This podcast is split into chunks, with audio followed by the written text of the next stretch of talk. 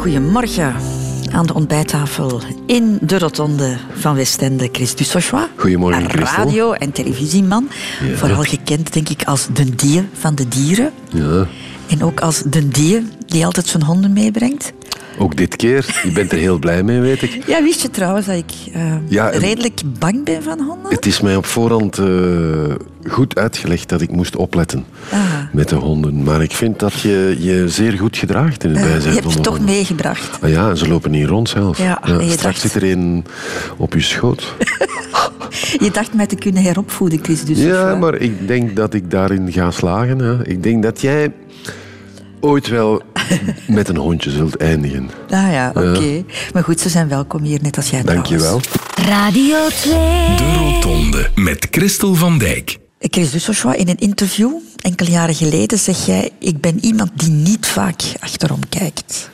Dat klopt, want achterom kijken heeft geen enkel nut. Eh, je bent in het heden nog in de toekomst veel met wat er in het verleden is gebeurd. En ik ben zeker iemand die ehm, niet zich vermijdt of wentelt in spijt over wat er vroeger is gebeurd. Natuurlijk kun je wel van je verleden genieten in mooie herinneringen. Eh, maar het achterom kijken en jammeren, had ik maar dit of had ik maar dat, is eigenlijk jezelf tegen een muur gooien. Jij zegt nooit van op dat ogenblik had ik beter die afslag genomen in plaats van wat nee, ik gedaan want heb. ehm, eigenlijk als ik, het, als ik het optel, Christel, is mijn leven een aaneenschakeling van toevalligheden. Ik ben toevallig bij de radio beland. Ik ben toevallig bij de televisie beland. En ehm, dat vind ik het mooie aan het leven, dat het niet zo geweldig voorspelbaar is. En ik zou het ook een geweldige zelfoverschatting vinden om te denken dat je alles in handen hebt. Zoals je het nu zegt, lijkt het wel alsof dat je geen enkele beslissing rationeel neemt. Dat het Jawel, allemaal... natuurlijk neem ik eh, beslissingen rationeel en ik ben iemand die wel vaak nadenkt. Maar het is een illusie, denk ik, om te denken dat je alles wat je doet in je leven, dat dat je eigen keuze is. Mhm. We gaan toch vandaag twee uur lang eens proberen om al jouw beslissingen eh, rationeel of emotioneel on- onder de loepen eh, te nemen. dat, ja. De afslagen van jouw leven, Chris. Maar we gaan eh, eerst iets aan jouw Wikipedia-pagina doen. Je bent een bekend persoon, dus je hebt een Wikipedia-pagina. Ah ja, ja, die Wikipedia-pagina. Daar moet iets aan gebeuren. Daar moet iets aan Ah gebeuren. ja, want enfin, ja, nee, eh, zo ijdel ben ik niet, maar eh, die Wikipedia-pagina is wel bijzonder grappig. En de, de Nederlandstalige Wikipedia-pagina leert mij dat ik, als ik kennis wil vergaren, vooral niet bij de Nederlandstalige Wikipedia moet zijn. Oké, eens even kijken wat erop staat. Chris Dusserschwa, Brugge 16 oktober 1962, is een Vlaams televisie- en radiopresentator. Hij werkte bij Studio Brussel en op televisie is hij bekend als presentator van Dieren in Nesten en diverse praatprogramma's en als voice-over in documentaires. Voilà, Het is al aangepast. wat was er verkeerd? Eh, want in de vorige versie, weet ik, stond, stond er... eh, Chris Dussersois is een Vlaams radio- en televisiepresentator. Werkzaam, zoals dat daar dan heet, bij Studio Brussel. Dat gebruik ik al jaren niet meer. Nu, jouw Wikipedia-pagina gaat alleen maar over jouw professionele leven en eh, jouw leven in eh, de schijnwerpers. Maar er is ook een leven in de anonimiteit geweest. Het, het jongetje dat in Brugge geboren en, eh, en getogen is. Daar horen we niks over. Dus wij gaan daar iets aan doen. Enfin, Han Koeken heeft voor een, een nieuwe Wikipedia-pagina gezorgd. Chris Dusserschwa is geboren te Brugge op 16 oktober 1962. Hij was de laatste in een rij van zes kinderen. Maar ook al was hij nummer zoveel, baby Chris werd met open armen onthaald, vertelt zijn zus Kaat. Dat was een beetje het kapje van mama. En hij, hij zei het dan van, hé mama, ga je een keer aan mijn zacht velletje voelen. Ons zacht velletje groeide op in een warm en open nest, vertelt Kaat. Mijn vader had destijds een grote tafel gekocht in een klooster. Een hele grote tafel, dus die was groot genoeg voor ons gezin. Maar nog ruim genoeg voor andere mensen die wilden aanschuiven. Dus ons huis was eigenlijk wel een huis van komen en gaan. En gaan moest Chris met het zachte velletje, naar de mis bijvoorbeeld. Elke week naar de kerk. En hij was ook misdienaar. Maar dat elke week naar de kerk gaan had ook zijn voordelen, weet jeugdvriend Peter Slabbing. Als ik in de verkennis zat, gingen wij de zondagochtend zo naar een klein kerkje. Want natuurlijk, als je zei tegen je ouders, ik ga naar de mis, ja, wat konden ze daar in godsnaam tegen hebben? Hè? Terwijl we dat deden om die meisjes eh, te kunnen zien, want de scouts was gescheiden, dat wel. En de jongens, gescheiden van het object hunner interesse, hielpen elkaar dan. Onder meer om de leemte in hun erotische kennis goed te maken, vertelt Peter. En dan eh, gingen wij elk om beurten naar de bibliotheek om te proberen boeken van David Hamilton pakken te krijgen.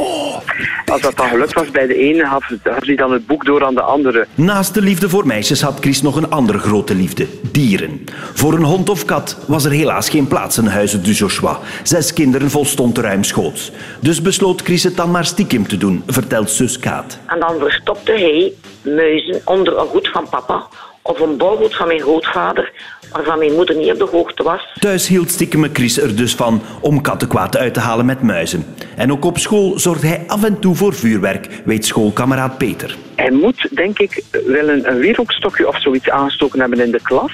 Maar in elk geval, plots sprong hij uit va- van achter zijn bank en begon hij zo like, eh, op zijn eigen kruis wat te, te slaan. Maar blijkbaar was die lucifer niet helemaal uit. Met als gevolg dat het hele doosje dus ergens in brand geschoten was of zo. En zelf in duistere, ernstige middens als Studio Brussel wist vurige Chris de zon te doen schijnen, getuigt gewezen collega Peter Verhulst. Ook al ging er een depri-sfeertje, eh, als Chris binnenkwam werd er meteen gelachen, want dan ging het over gewone alledaagse dingen en je ging met een goed gevoel naar huis. In 1996 zette Chris de stap van de anonimiteit van de radio naar de glorie van de televisie. En zou hij uiteindelijk zelfs slagen in zijn grote liefde voor dieren te combineren met zijn tv-werk. En de rest is history. Muizen onder een bolhoed verstoppen. Ja, eh, en wat mijn zus... Maar jullie hebben echt wel in jullie voorbereiding gedaan. Ik ben aangenaam verrast eh, mijn zusje te horen. Een van de dingen die ik ook deed, en dat schrijf ik ook eh, in, in mijn boek, ehm, was... In mijn tijd waren er nog straathonden in Brugge. Hondjes die gewoon zonder leiband, zonder baas over straat liepen. En eentje daarvan, daar was ik helemaal zot van geworden, was precies een kleine Jack Russell. En die had ik meegenomen naar huis. En die had ik verstopt in het chauffagekot. Eh, en natuurlijk heeft hij zichzelf verraden. Die begon te blaffen. En mijn moeder vroeg, van, waar, van wat komt dat? Een hond en. En dan moest ik natuurlijk toegeven, ik was het geweest. Ik had een hond er. Allee, je mocht hem bijhouden. En dat was een heerlijke nacht dat die hond in huis mocht blijven, maar de dag erop moest ik die naar het asiel brengen. En daar was ik ervan overtuigd, ja, daar gaan ze die vergassen of een spuitje geven en dat komt nooit meer goed. Maar ik heb toen wel plechtig gezworen van zodra ik het huis uit ben, komt er een hond. En zoals je kunt zien, Christel... Het zijn er twee het zijn er geworden. twee. De eerste afslag op jouw persoonlijke rotonde, Chris Dussochois, is de afslag geboren worden. Ja. 55 jaar geleden in een, zelfs voor die tijd, toch wel groot gezin, hè? Zes kinderen. Eh, wel, dat, hang, dat hing er een beetje vanaf, denk ik, van welke provincie je kwam. In de provincie West-Vlaanderen was een gezin met zes kinderen niet zo uitzonderlijk. En ik denk niet dat ik mijn moeder ga schofferen, het arme mens, door uit te leggen hoe ik er ben gekomen. Want zowel ikzelf als mijn jongste zus zijn het resultaat van de temperatuurmethode. Ja, je hebt er nog een mooiere naam voor. Ja, de Vaticaanse roulette. Ja, ik bedoel, het was het, het was het enige wat toegestaan was van het Vaticaan. En het eh, draaide meestal anders uit dan men had verwacht. Maar ik was wel natuurlijk zeer welkom. Dus een zeer godsdienstige familie eigenlijk. Eh, en laat ons zeggen, misschien eerder vroom dan godsdienstig. Eh, mijn moeder is altijd een vrouw geweest die zich weinig van de uiterlijke schijn heeft aangetrokken. En ik denk, als je haar zou vragen, bent u, bent u katholiek? Dan zou ze antwoorden, nee, ik ben chris- christelijk. Ze heeft weinig met dat instituut in Rome, maar alles met dat geloof. Ja, ja. Ze is nog altijd zeer gelovig.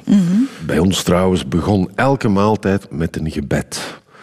En eh, op zondagavond, en ik denk dat dit voor een heleboel mensen nu zal klinken als ik, alsof ik van een andere planeet kwam. Maar soms op zondagavond kwam het hele gezin samen en dan moesten we bidden. En dat is kei grappig wat ik nu ga vertellen, want ik was de jongste. En eh, natuurlijk begon vader dan met het Onze Vader en dan bad hij, weet ik wat, voor de armen van de wereld. En dan was het aan moeder en dan bad zij voor de zieken van de wereld. En wat, dat was dan mijn oudste broer. En dan bad hij voor de armen van de wereld. En tegen dat het aan mij was, was alles op. er was niks meer om voor te bidden. Kon nog voor jezelf bidden, Chris. Dat was misschien nog... eh, Ja, maar pas op, ik, heb de, ik ben een tijd eh, religieus geweest. Ik, ik ben ook misdienaar geweest. Ik heb zelfs nog een tijd een, een halve roeping gehad en gedacht dat ik zou eindigen als priester. Gelukkig ben ik dan van gedacht veranderd en heb ik niet achterom gekeken. En, Wat heeft jou van dat spoor afgehouden? eh, het wegvallen van het geloof. Dat is heel simpel. En was het een moeilijk gesprek thuis? Want dan moest je toch wel zeggen van Ja, ja, papa en mama, ik eh, ga... eh, maar gelukkig kwam ik dan weer als laatste in een rij van zes. En waren er voor mij al een heleboel geweest die eh, gezegd hadden van... eh, dat doen we niet meer, daar gaan we niet meer naartoe. Dat, dat, he- dat heeft mijn beide ouders ook wel pijn gedaan. Want, en dat snap ik ook, want je bouwt heel je leven... eh zij toch voor een deel op dat geloof hun leven was daarvan doordrongen. En daar zijn ze nog altijd van overtuigd dat ze daar op het juiste spoor zitten. En dan is het natuurlijk jammer dat je zes kinderen op de wereld zet, waarvan alle zes eh, zeggen van die deur van de kerk die slaat achter onze rug dicht en we zijn weg. Maar als je dat kon beargumenteren, was het dan oké? Eh, natuurlijk, eh, er is nooit sprake geweest van enige dwang. Eh, oh, en zeker niet in, in, in zaken geloof. En een open gesprek was altijd het kenmerk van ons gezin. Eh, mijn zus praatte daar straks over die hele grote tafel, die een beetje vergelijkbaar is met deze hier. En de maaltijden bij ons thuis waren altijd veel meer dan enkele tot zich nemen van voedsel. Het was bijeenkomen en praten over de dingen. En natuurlijk werd daarover gesproken. En natuurlijk was er ruimte om dissidente meningen te hebben. Je moest het wel beleefd zeggen. Dat is genoeg. Heeft, heeft het, eh, het communiceren, het, het, het praten, beargumenteren, het discussiëren aan die tafel, heeft jou dat geholpen in jouw latere leven? Als je de jongste bent in een gezin van zes en je twee broers zijn de oudste, dan moet je wel zien dat je uit de verf komt, of anders wordt er over je heen gereden. Eh, wordt er met jou geen rekening gehouden. En dus denk ik wel dat ik daar een voordeel heb gehaald door de jongste te zijn in een gezin van zes. Dat wel. De keuze voor het engagement, Chris Dussochois. Ja. Kan ik zeggen dat dat zaadje ook al geplant is in jouw kinderjaren? Zeker. Eh, wij groeiden op in de idee van de straat en het huis waarin we wonen is deel van een groter geheel. En dat uitte zich eigenlijk in... Ja, ik vind dat wel een ontroerend gebaar. Moeder was natuurlijk als huismoeder van zes kinderen iemand die altijd in de weer was. Maar als moeder bijvoorbeeld, eh, als, als er iemand jarig was en moeder bakte dan pannenkoeken in twee pannen tegelijk, in een grote pot, ja, dan had ze een stapel pannenkoeken die misschien ja, eh, 20, 30 centimeter groot was voor al de kinderen en al de vriendjes. Maar er waren er altijd over. En wat zei moeder dan? En ga nu een keer een paar pannenkoeken brengen naar mevrouw de Roo. En mevrouw de Roo was een, een, een, een, weduwe, of was ze ooit getrouwd, ik weet het eigenlijk niet. Ze woonde recht over ons. Eh, ze kreeg nooit bezoek. Maar telkens als er bij ons iemand jarig was, kreeg mevrouw de Roo pannenkoeken. En Ja, we gingen ook naar links en we gingen naar rechts. En eigenlijk deelden we die pannenkoeken uit in heel de straat. En wat wij ook deden was eh, boodschappen doen voor mensen. Ik heb vaak boodschappen gedaan voor een, voor een blinde mevrouw. Eh, wij gingen eh, eenzame bejaarden opzoeken die nooit eh, bezoek kregen in het bejaardentehuis. Dus dat zat er eigenlijk van jongs af aan in. En dat werd van jullie verwacht ook. Ja. En ik vond, dat, ik vond dat een uitzonderlijk goede les, eigenlijk. Dat je met je vrije tijd iets zinnigs doet. En dat heb jij meegenomen in je latere Ja, leven. tuurlijk, ja. ja. Nu, het, het heeft jouw leven ook op een ander gebied eh, bepaald. Het feit dat jullie maatschappelijk verantwoorde dingen moesten doen. Want jouw studiekeuze, Ah, ja, ja, bijvoorbeeld, is ja. daar dan wel negatief in beïnvloed, mag ik het zo zeggen? Goh, ja... Wat, wat zeker is, ik wou eigenlijk dierenarts worden, want ik was al zot van beesten. Ten eerste was ik slecht in scheikunde en fysica. Laten we dat opzij houden. Uh, had ik dat misschien nooit gehaald. Maar de keuze destijds, in de jaren 70, het woord dierenarts bestond zelfs nog niet. Het was veearts. En in West-Vlaanderen was het zelfs paardendokter. Er werd nog niet zoveel voor hondjes en katjes gezorgd. En studeren voor dierenarts was in ons gezin, en zeker onder de, onder de kinderen, ja, dat is wel een, dat is wel een luxe probleem. Hè. Dieren zouden we niet... We moeten eerst de mensen helpen. En aangezien ik de jongste was, dan keek ik op naar oudste broer onderwijzer, eh, tweede broer geneeskunde, oudste zus geneeskunde, volgende zus verpleger. Dus ik moest wel iets in die richting doen. En wat heb ik dan maar gekozen? Maatschappelijk werk. Weet je waarom? Omwille van de stomme reden, ja, daar kun je mensen helpen. Dus uh, eigenlijk is die, die vreemde hoe zou ik zeggen, dat vreemde engagement, of voor sommige mensen toch misschien vreemde engagement, is dat uitgegroeid naar een beroepskeuze. Maar terwijl ik het studeerde, Christel, wist ik al van, als ik dat ga doen, ik ga dood. Dus mocht je 18 nu opnieuw kunnen zijn, dan zou je niet door die poort Absoluut van... Nee. niet, maar zoals we al zeiden in het begin, ik ben niet zo iemand die terugkijkt en was ik maar dierenarts geweest. Natuurlijk, ik heb dat nog wel hoor. Uh, als ik dierenartsen bezig zie, en dan vooral dierenartsen bezig zie op locatie in Afrika, die werken met leeuwen en olifanten, dan ben ik wel stik jaloers en dan denk ik van potverdikke, had ik hier maar mijn job kunnen hebben. Maar tegelijkertijd ben ik dan nuchter genoeg om naar hen te kijken en te weten van ja, maar uh, je ziet er alleen maar de oppervlakkige, glinsterende aspecten van, van die job. Je ziet er ook niet het dagdagelijkse van. De studies, Chris Dussochois. Ja. Ook een belangrijke keuze in het leven. En ik kan me voorstellen dat dat bij jullie thuis een toch wel ernstige zaak was. Ja, ja. Uh, ten eerste was studeren hoe moeder dat gedaan heeft, ik weet het niet. Maar moeder was naast uh, eeuwige poetsvrouw, beste kokkin, uh, beste moeder in het algemeen, was ze ook nog de beste opvraagster. Je weet van opvragen ja, ja, ja. is, mama, wil je, het, nog, wil je het dan eens opvragen? Enfin, dat is een woord dat niet meer bestaat, denk ik, maar... Ondervragen? Onder, uh, ja, overhoren. controleren of... Overhoren, overhoren ja. dat is controleren of je de, de net uh, geleerde stof ook had opgeslagen in je hoofd. En dus, ja, ja, uh, uh, studeren was een, was een ernstige zaak. En ik had ook het verdomde nadeel dat ik na drie meisjes kwam die uitmunten in prachtige cijfers en nooit straf krijgen. En ja, als je daar achterkomt, dan moet je wel je best doen.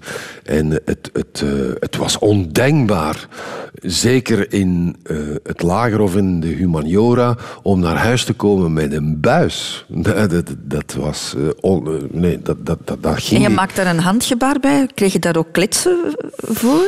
Wij hebben niet vaak kletsen gekregen. En als we kletsen kregen, denk ik, was het terecht. Maar ja, fysiek geweld is altijd toegeven dat, dat, je het, dat je aan het eind van je Latijn bent. En dus we zullen wel af en toe eens een klets gekregen. Mijn moeder was beter in nijpen. dat zo wat venijnig. Ja, ja, zo wat. Dat doet heel veel. En dat doet langer pijn dan een klets.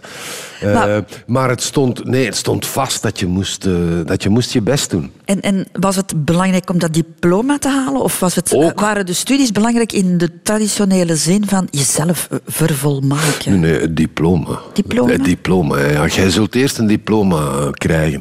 Ik kom ook uit een geslacht van ambt. Vader was ambtenaar. Hè? Vader was directeur van de dienst voor toerisme van de stad Brugge. Uh, en dat was een vaste betrekking.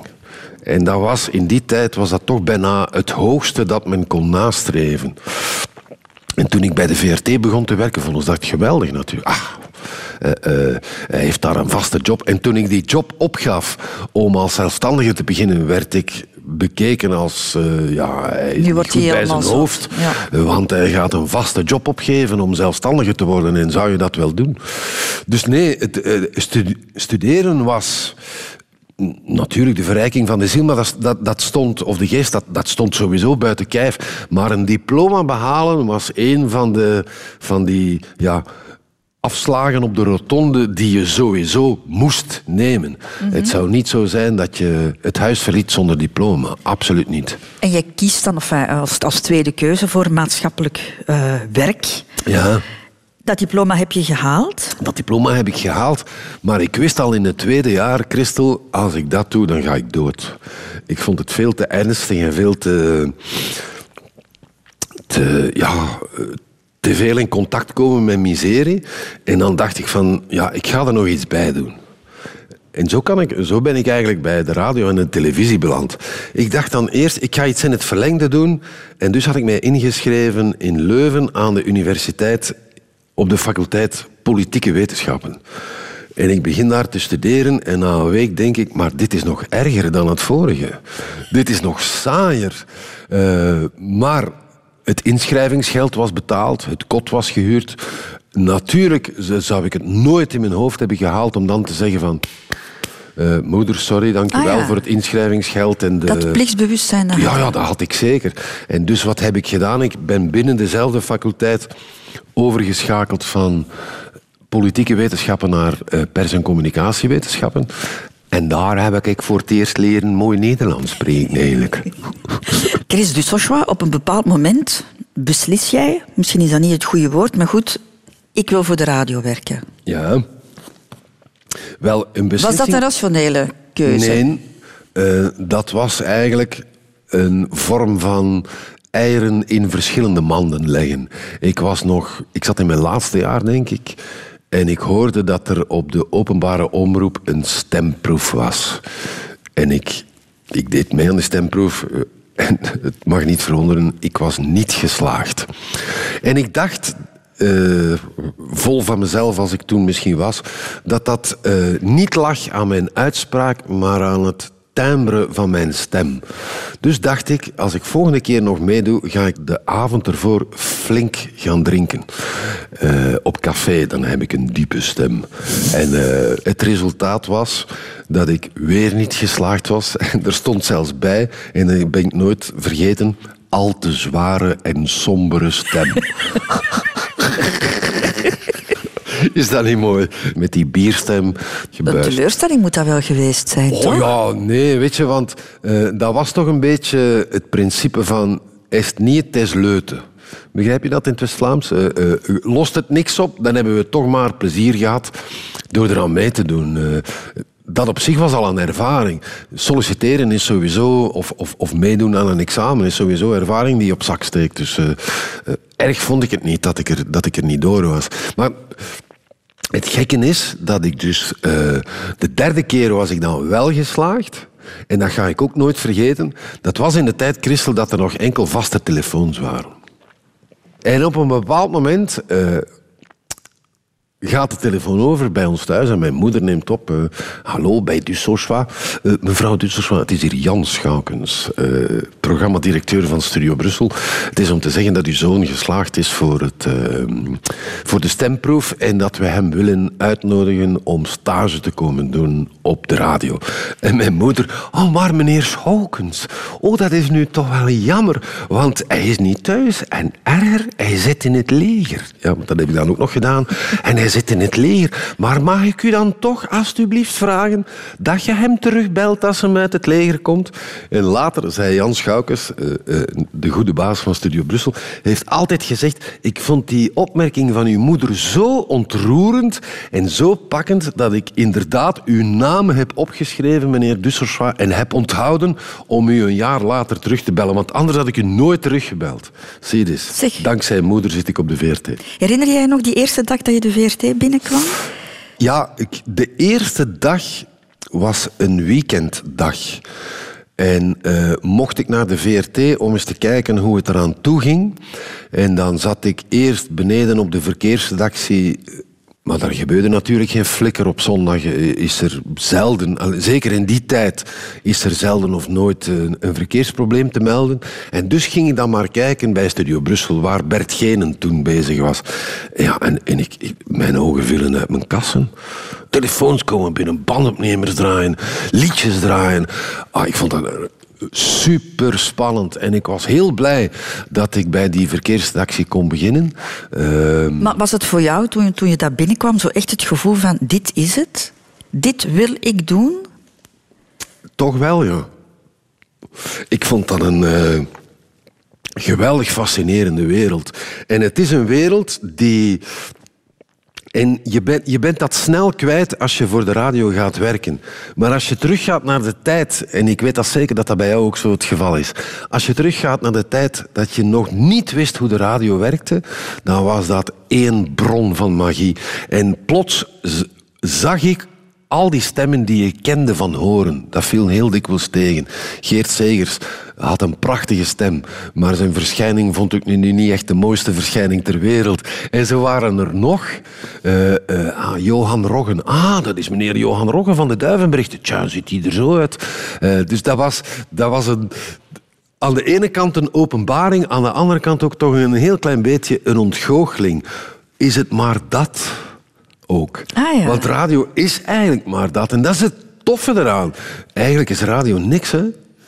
En is werelden creëren met, eh, met woorden en muziek. En dat is daarom waarschijnlijk dat ik zo van het medium hou. En misschien nog meer van radio hou dan van tv. TV heeft het voordeel dat je overal kunt gaan en dat je, ja, je kunt reizen en zo en je, en je kunt naar het buitenland. Maar heeft het nadeel dat er heel veel bij komt kijken. Radio is, geef ons de micro en we zijn vertrokken.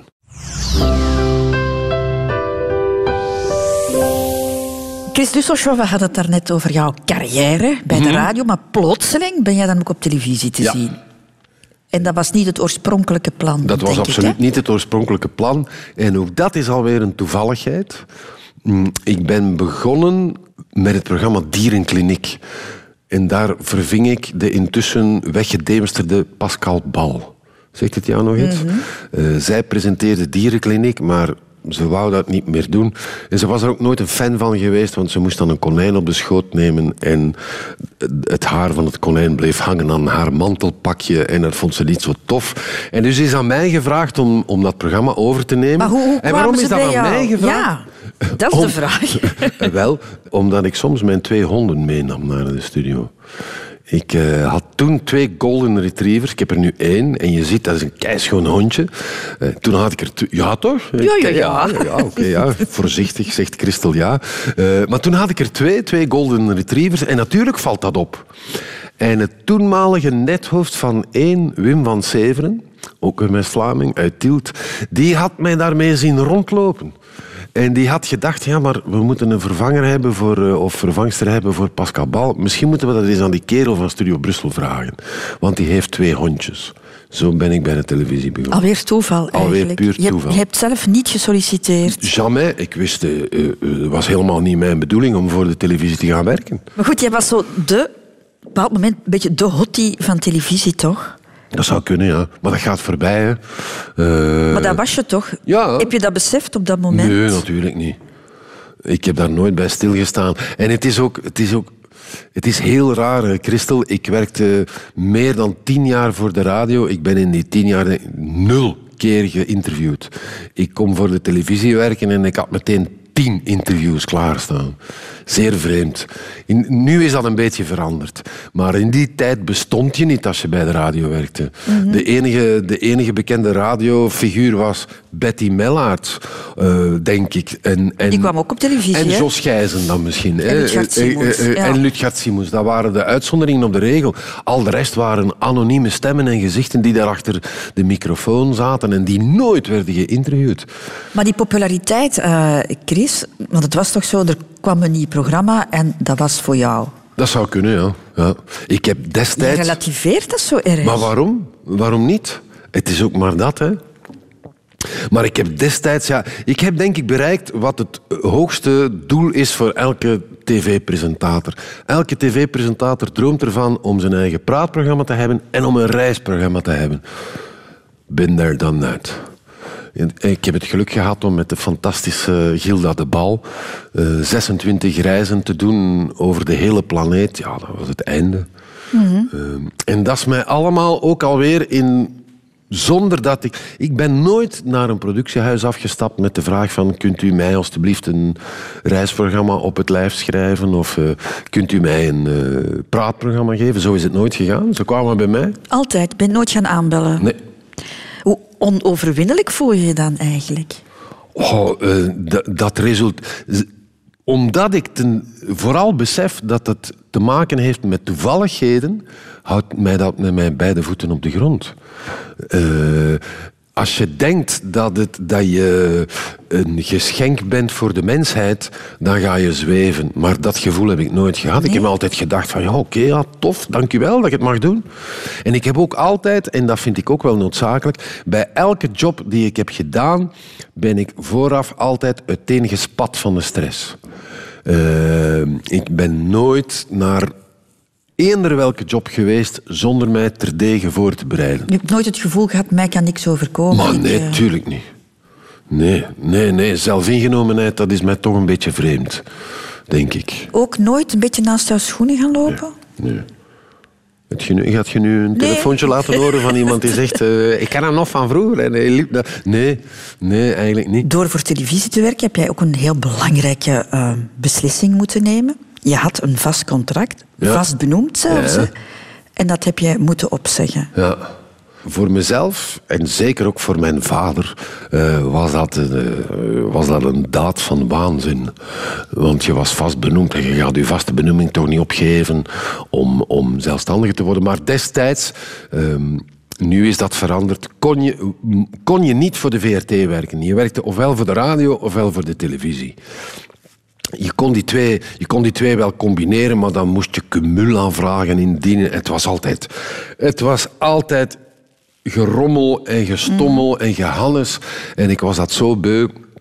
En toen ging het naar eh toenmalige gedelegeerd bestuurder, de heer Bert de Graven, ook een West-Vlaming. En die zei, Chris, ga buiten en kom terug binnen. Dus wordt zelfstandige. Ja.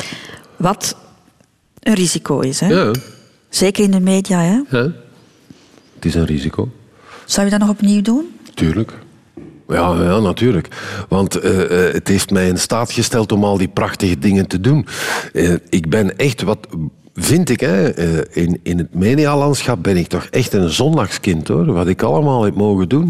Maar we zien jou nu minder op televisie. zo. Helemaal niet erg. Wat dan met het en gewoon zoals niet meer afpakken, niet? Financiële zekerheid is nooit jouw drijfveer. Nee, nee.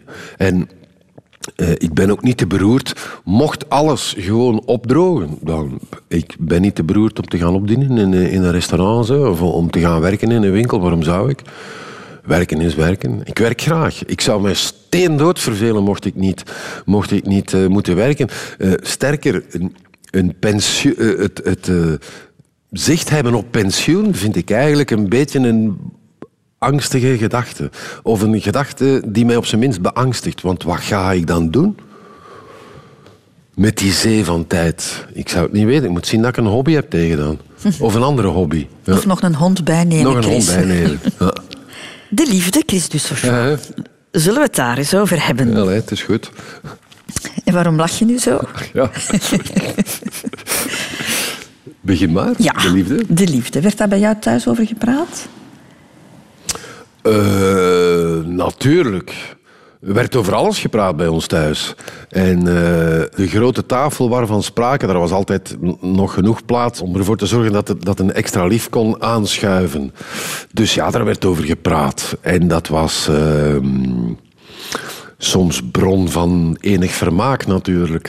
Eh, eh, mijn oudste zus, prachtige vrouw, mooi meisje, slim, eh, had alles en had aan elke vinger wel tien mannen. En het gebeurde wel vaak dat een van haar aanbidders dan aan de deur kwam. Is je zuster dus? en nou, je kon ze dan plagen door te zeggen, nee, ze is niet thuis, terwijl ze wel thuis was. Eh, en ja, natuurlijk werd dat allemaal druk besproken. De, de, Seksualiteit ook? Werd daarover eh, gepraat? voor een stuk wel, ja. Eigenlijk voor een stuk wel. Aan de andere kant, seksualiteit is nu wel het laatste wat je met je ouders gaat bespreken. Dat bespreek je met je vrienden. Eh, en je ouders, dat is echt wel het allerlaatste. Maar ik herinner mij nog zeer goed, eh, Christel, dat wij verplicht van moeder moesten kijken naar de seksuele opvoeding die werd gegeven op de VRT. Herinner jij je die Ja, nog? tuurlijk. In, in zwart-wit. eh, Ja, die meneer ja. sprak over de rozige baby. Weet je dat nog? En dan stond er zo ergens vloe in de studio... stond er zo'n vrouw naakt... die dan zo speciaal belicht werd... zodanig dat je de echte intieme delen niet te goed zag. Het was zo met slagschaduwen en allemaal eh, eh, eh, redelijk deftig. Maar daar moesten wij verplicht naar kijken van moeder. En we hadden ook een boekje thuis, herinner ik mij nog. Weet je waar de kleine kindertjes vandaan komen, heette dat boekje. En dat, dat was zo een boekje van 120 bladzijden. En de kern van de zaak, die vertelden ze dan maar aan bladzijde 112. Ah, zo! Dat moet daarin. Ah, oké. Zeg dat dan van in het begin. Nu, je komt uit een gezin, Chris, waar de ouders altijd samen zijn gebleven. Een Mhm. mooie liefdesrelatie toch, hè? Heb jij daar ook ooit naar gestreefd? Natuurlijk, eh, eh, natuurlijk streeft men naar de eeuwige liefde, die volgens mij wel voor een stuk bestaat, maar ik weet niet of die weggelegd is voor de liefde tussen man en vrouw. De liefde die ik heb voor mijn dochter, dat weet ik, dat staat buiten, dat wordt niet, dat wordt niet in vraag gesteld, die kan niet stoppen. Wat zij ook zou mogen doen, die kan niet stoppen. En die is van een andere orde, denk ik, dan de liefde voor een vrouw. Helaas denk ik dat heel wat mensen zich wijsmaken dat liefde voor een partner, dat dat een gegeven is dat vaststaat, waar je dan ook weinig moeite voor moet doen en waar je dan uiteindelijk goed zult belanden. Ik vrees dat ik moet vaststellen dat dat zo niet is. Heb je dat in de loop der jaren ondervonden? Natuurlijk, ja. Ja. Eh, en, eh, maar op zich hoeft dat geen drama te zijn. Hè. Eh, ik, heb een, ik heb een echtscheiding meegemaakt. Ik, ik raad dat niemand aan, want je verliest daar heel veel kilo's mee. Dat is dikke ellende. Maar tegelijkertijd is het ook niet het einde van de wereld. Hè. Laat ons eerlijk zijn. We beginnen gewoon opnieuw. Hè. Punt. Je bent ooit getrouwd, dus je- dacht wel, ik, eh, ik ga hetzelfde pad op. Ja, maar weet je, dat zijn ook van die dingen. Als ik daar nu op terugkijk, zou ik dat misschien wel anders hebben aangepakt. Maar destijds, ja, je begint te vrijen met een meisje, dat was een keischoon meisje, hè, eh, maar die haar ouders nog katholieker dan de mijne. eh, dus, en dat was, dat was zelfs, wij, wij trouwden eerst voor de wet. En zij zeiden daarbij, ja, maar voor de wet is niet voor het bed. Godverdomme. Eh, weet je wel? Eh, en dus ben ik dan maar voor de kerk getrouwd om die mensen een plezier te doen. Wat ik eigenlijk totaal absurd vind. Ik heb mijn dochter laten dopen om geen ruzie te hebben met die mensen. Je praat vrij makkelijk, vind ik, over die echtscheiding. Van, het is toch niet het einde van de wereld, maar op dat ogenblik. Op dat ogenblik is het wel het einde van de wereld. Want jij verliest ook een deel van je jeugd, want jullie kenden elkaar al heel lang en jullie waren tiener. tiener Ja, ja, ja, dat was mijn eerste lief. Eh, ik ben daar keilang bij geweest. Ik ben daarmee beginnen vrijen op mijn zestiende. En ik denk dat ik, er, dat ik langer bij haar was dan dat ik zonder haar was. Eh, dus ja, dat heeft heel lang geduurd. Maar ja, het is gedaan, punt. Rien à faire. Wat verwacht jij van een liefdesrelatie, Chris? Oh, dat moeilijke is, eh, vraag. Dat is een moeilijke vraag. Hè? Eh, eh, ik denk een goede combinatie van vriendschap en seks. Vriendschap is essentieel. Daarmee bedoel ik een goed begrip kunnen zijn wie je bent in het bijzijn van die vriend. Eh, Je niet moeten schamen in dit of in dat. Je niet anders moeten voordoen dan je bent. Eh, Dat klinkt simpel, hè? Vriendschap en seks. het klinkt simpel, ja. ja maar eh, simpel is het nooit. Hè. Ik kan het mis hebben, Chris, maar ik heb bij jou zo het gevoel hè, dat jij heel passioneel in een relatie kan storten. Ja, natuurlijk, ja, ja. Impulsief ook. Ik hou niet van lauw. Passie, ja, ja, dat is nodig. Vuurwerk en overtuiging en... en Maar dat dooftrap, hè? passie, vuur. hmm, dat kun je wel in de gang houden. Hè. Je moet er natuurlijk iets voor doen. Het is jou tot hiertoe niet gelukt, hè, Nee, Chris? nee, dat is wel waar. Enfin ja, toch wel. Serieel wel, hè. Serieel ben ik er wel in geslaagd. Maar nee, het, eh, eh, je mag, denk ik, niet een relatie beoordelen aan het einde ervan. Hè. Je hebt de toekomst met die persoon niet gehaald. Maar het kan net zo goed wel een heel geslaagd verleden geweest zijn. Toch? Kan jij goed alleen zijn, Chris? Ik kan het. Oeh. Ik zou heel veel moeite hebben, denk ik, met samenwonen. Ik denk niet dat ik dat nog zou kunnen. Eh, ik ben niet eenzaam. Door alleen, door alleen thuis te zijn voel ik mij niet eenzaam. Maar ook, dan bedoel je ook alleen zonder partner, vind je? Ja, dat kan perfect. nee. Als je je geluk volledig in de handen van, of in de schoot van iemand anders gooit, dan geef je die persoon toch ook een geweldige verantwoordelijkheid, vind je niet? Allee, geluk en welzijn is iets wat je toch in de eerste plaats voor jezelf moet creëren. En dan, weet je wanneer, wanneer mis ik het? Geluk kan soms zo, of, of eh, ja, iets tof kan soms zo overweldigend zijn dat je het wil delen. Dan mis je iemand. Maar voor de rest kom ik best wel goed overeen met mezelf. Excuseer.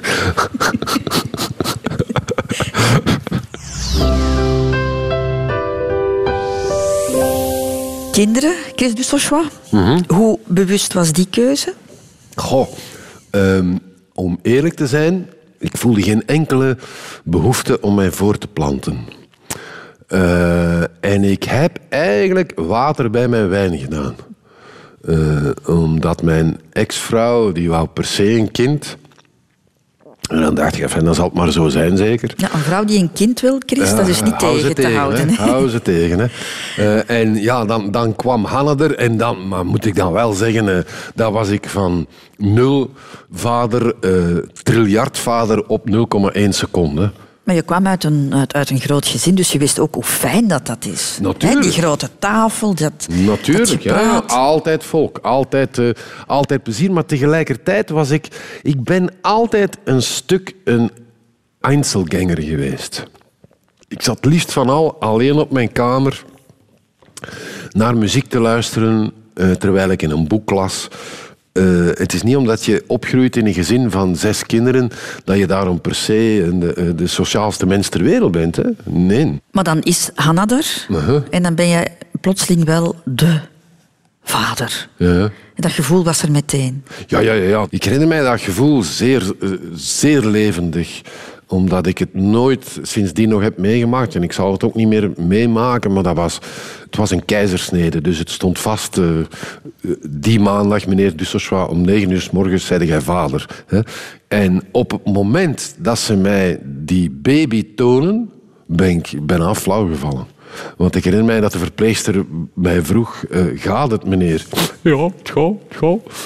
En dan moest ik naar huis bellen, naar mijn moeder, hè, om te zeggen dat ze er was. En ik kreeg haar naam niet gezegd. Want ik was zo aan het snotteren. Mama, zijn papa hoor. Hij zegt... "Ah, hallo." Hoe heet ze? Anna. Nee, Anna. Anna dus. Nee, nee. Ik kon het niet zeggen, ik was zo ontroerd. Ja. Maar dan, Chris, moet je op een bepaald moment voor een deel afscheid van haar nemen. Hè? Want je, je bent dan gescheiden en ah, jullie hadden geen co-ouderschap. Dus je zag haar maar om de week, Ja. om de twee weken. Om de twee weken. Enfin, ik zag haar elke woensdag en om de twee weken een weekend. En ik heb dat al heel lange tijd geweldig onrechtvaardig gevonden. Vooral ook omdat die beslissing is genomen, ik zie hem nog zo voor me zitten, eh, door een rechter, die, een familierechter denk ik, in Aarschot, die met witte sokken in zijn sandalen zat en die zo wat, die zo wat navraag deed, zo van, eh, wanneer werkte jij? En die dan gewoon zo besliste, het kind komt de moeder toe. Voilà. En dat was het. En daar was geen... Daar was geen mogelijkheid tot beroep toe. Dat was ook nog in een tijd eh, eh, dat, dat er werd gedacht, zeker, eh, dat vaders geen goede moeders konden zijn. En gelukkig ben ik niet iemand die achterom kijkt, Christel, want dan zou ik de hele tijd moeten zitten denken van, oh, er is mij onrecht aangedaan. Dan denk ik van, nee, dan doen we, allee, ja, we doen voort. Hè. En het toffe is nu, ze is nu 22 en ze moet, zijn, ze moet niks meer, hè. maar ze komt. En ze komt omdat ze graag komt. Geslaagd, denk ik dan. Dan ben ik als vader geslaagd. En dan heeft al het voorgaande weinig, weinig allee, invloed en is weinig van tel geweest. Begin dit jaar, Chris, getuig jij in een brief over het seksueel misbruik waar jij als, als kind mee te maken hebt gekregen. Heeft dat ook een invloed gehad eh, wat op de opvoeding van jouw dochter? Oeh, ja, zeker. En zeker ook op de, hoe moet ik zeggen, op het... eh, ik heb het daar lastig mee, met vertrouwen.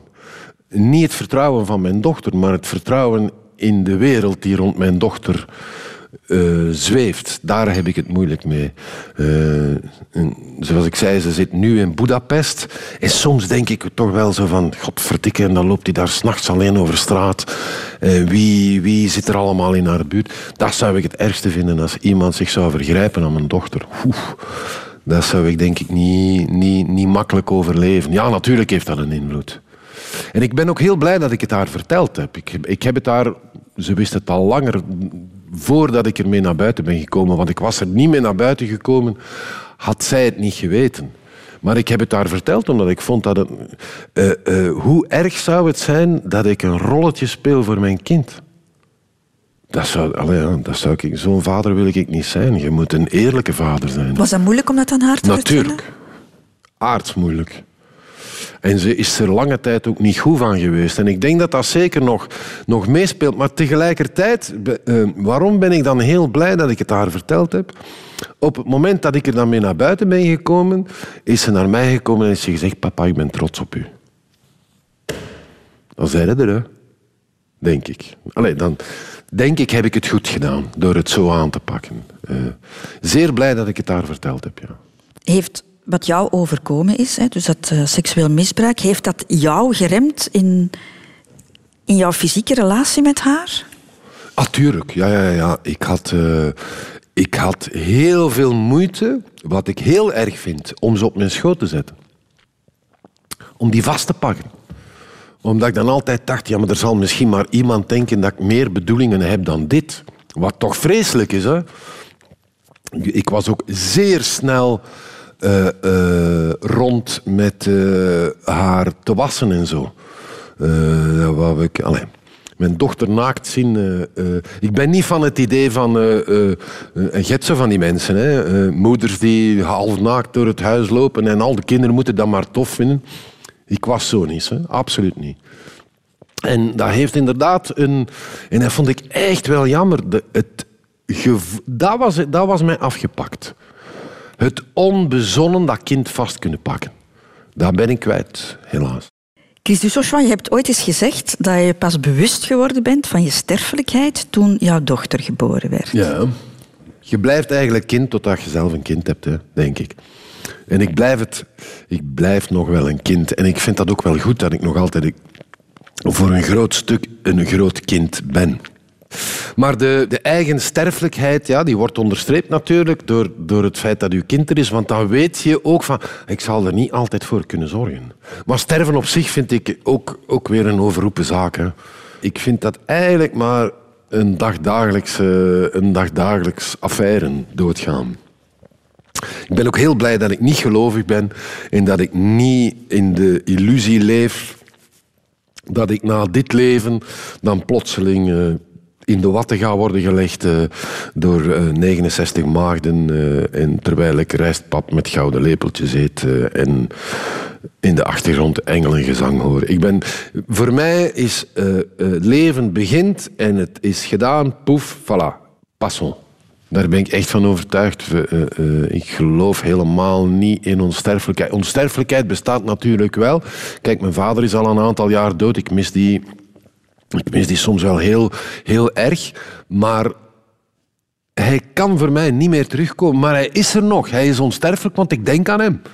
Eh, en ik heb heel veel van hem. Ik heb zijn stem, ik heb zijn looks. eh, En je wordt er ook nog dagdagelijks aan herinnerd door jouw moeder. Voilà, mijn moeder eh, doet er mij dagdagelijks aan denken. Er hangen foto's van hem in huis, dus Maar natuurlijk ze is hij stuurt niet nog sms'jes ook Voilà, met. ook, wat, ja. wat, wat, wat voor sms vond ik wel heel mooi. Van papa en ik zijn fier Ah, ja, ja, ja. wel, ze, ze had het boekje... ik heb een boek geschreven over honden. En natuurlijk heb ik dat haar gegeven. En, dan, ja, en zij, spreekt nog altijd in, zij spreekt nog altijd ook in zijn naam. Papa en ik zijn heel fier. Ja. En eh, eh, eh, ja, ja, want binnenkort is het zijn verjaardag. En zij denkt dan, ja, maar ik moet dat zeggen aan Chris, dat dat zijn papa zijn verjaardag is. Moeder, dat weet ik wel, hè, zeg, dat hem dan jarig is. Dus dat gaan we niet vergeten. Nee, nee. Nu, je vindt ehm, de dood iets onbelangrijk, maar toch Mhm. ben je ermee bezig, professioneel. Dan, je hebt daar een, een film over gemaakt. Ja, ik wou met dat. Omdat eh, eh, de dood die mij het meest heeft aangegrepen is vreemd genoeg niet die van mijn vader. Omdat die, de dood van mijn vader lag in de lijn der verwachtingen. Hij was 87. Hij was oud en, eh, we moesten ook langzaam afscheid nemen van de persoon die hij was. Hè. Vader was altijd een, een, ja, een intellectueel en een goed belezen man. Naar het einde toe van zijn leven werd dat toch minder en minder. Dus je moest al voor een stuk afscheid nemen van de persoon die je had gekend. Maar dat vond ik op zich ik wist dat zoiets ging gebeuren en dus vond ik dat minder erg dan de dood van mijn schoonbroer. Eh, mijn schoonbroer Peter is, was een eh, geneesheer en ik ken weinig mensen die zo gezond leven als hij. Niet drinken, niet roken, eh, eh, gezond eten, sporten. eh, een boom van een vent. En die is op anderhalf jaar tijd geknakt. Ze hebben hem getrakteerd op tongkanker. Ik wist, ik wist niet eens dat het bestond. En die man heeft met een ongelooflijke dapperheid die ziekte bestreden, maar hij heeft aan het kortste eind getrokken. En daar ben ik heel hard... Ja, daar, heeft mij echt onderuit gehaald. En eh, ik vind nog altijd heel onrechtvaardig wat, wat mijn zus is overkomen. En ik was toen heel blij. Eh, ik woonde, en ik woon nog altijd in de buurt van mijn zus. Ik heb drie zussen, maar die, die twee anderen die wonen veel verder. Die zus woont in de buurt. En ik was heel blij dat ik voor hen kon koken. Dat deed ik dan. Eh, ik, ik zorgde bij mij thuis voor eh, nou ja, zo van, van die maaltijden die je dan... Kunt zeg maar iets, een lasagne hè, eh, die je kunt opwarmen of een eenpansgerecht. En ik vond dat zinvol. En hij, dat weet ik, hij was daar heel van... dat was, uiteindelijk was dat maar niks, hè, koken. Dat, is, dat stelt niet veel voor. Maar hij was daar zo blij om. En ik was dan op mijn beurt zo blij dat hij daarom blij was. Maar dat, ja, dat, die dood van hem, dat heeft me... Die ijskoude kankerziekte die hem toch kapot heeft gekregen en, en, en zo snel en zo onrechtvaardig. Ja, daar was, ik, eh, daar was ik echt niet goed van. En aan het maken van die film was het een deel van het Ja, dat, was, dat heeft mij geholpen om het te verwerken. En eh, eh, vooral ook omdat we in die film... Ja, dan ga je met mensen praten en je weet- je... Ik weet, dat is onzin. Hè. Als, als je je arm verliest, komt er wel altijd iemand af die zegt... Ja, maar die is twee armen kwijt. En die is niet alleen twee armen kwijt, is ook twee benen kwijt. Die heeft het veel erger. Ik weet dat dat onzin is, maar tegelijkertijd helpt dat wel. Eh, ik heb toen met een, met een vrouw, eh, eh, Thais van der Heijden... Prachtige vrouw die... eh, vader verloren aan zelfmoord, broer doodgereden voor haar ogen, moeder dood.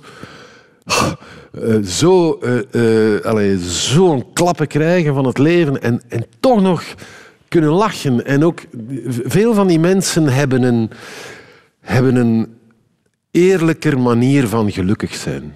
En leven precies toch net dat iets harder dan mensen die, die zo'n klappen niet hebben gekregen. En ja, daar, daar, eh, eh, ja, als je praat met een moeder die haar zoon verliest, het ergste wat je kan overkomen. Eh, ja, dat vond ik wel zinvol om dat te maken. ja. En dan met Hilde erbij, natuurlijk dat dat tof was. Ja. Dag Hilde.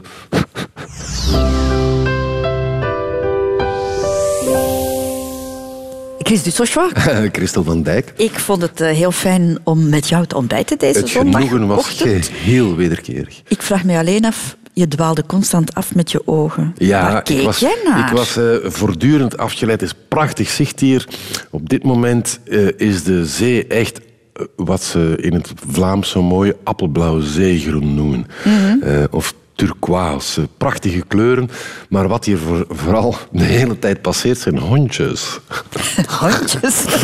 De grote liefde Hondjes van in alle maten en geuren en kleuren die hier passeren. Dus ja, daar- daardoor was ik afgeleid, sorry. Ja, honden, daar kunnen een paar vrouwenogen niet tegen op, Chris. dat helaas is nu niet. wel duidelijk. Nee, voilà. Maar je gaat nog één ding voor mij doen, toch? Ja, en dat heb, is eh, mijn ik- gastenboek. Voilà. Eh, eh, ik schrijf in lieve dames. Want, beste luisteraar thuis, u hoort natuurlijk enkel Christel, maar er is ook Veerle en er is ook Eva. En Veerle heeft gisteravond top lekker gekookt. En Eva is ook al zo'n topgezelschap. En die drie dames, die spreek ik aan in jouw boek. En ik heb geschreven, lieve dames, zelden heb ik mij zo simpelweg welgekomen gevoeld als bij jullie. Jammer dat het niet elke week kan. Thanks for having me and the dogs, Chris Dussochois.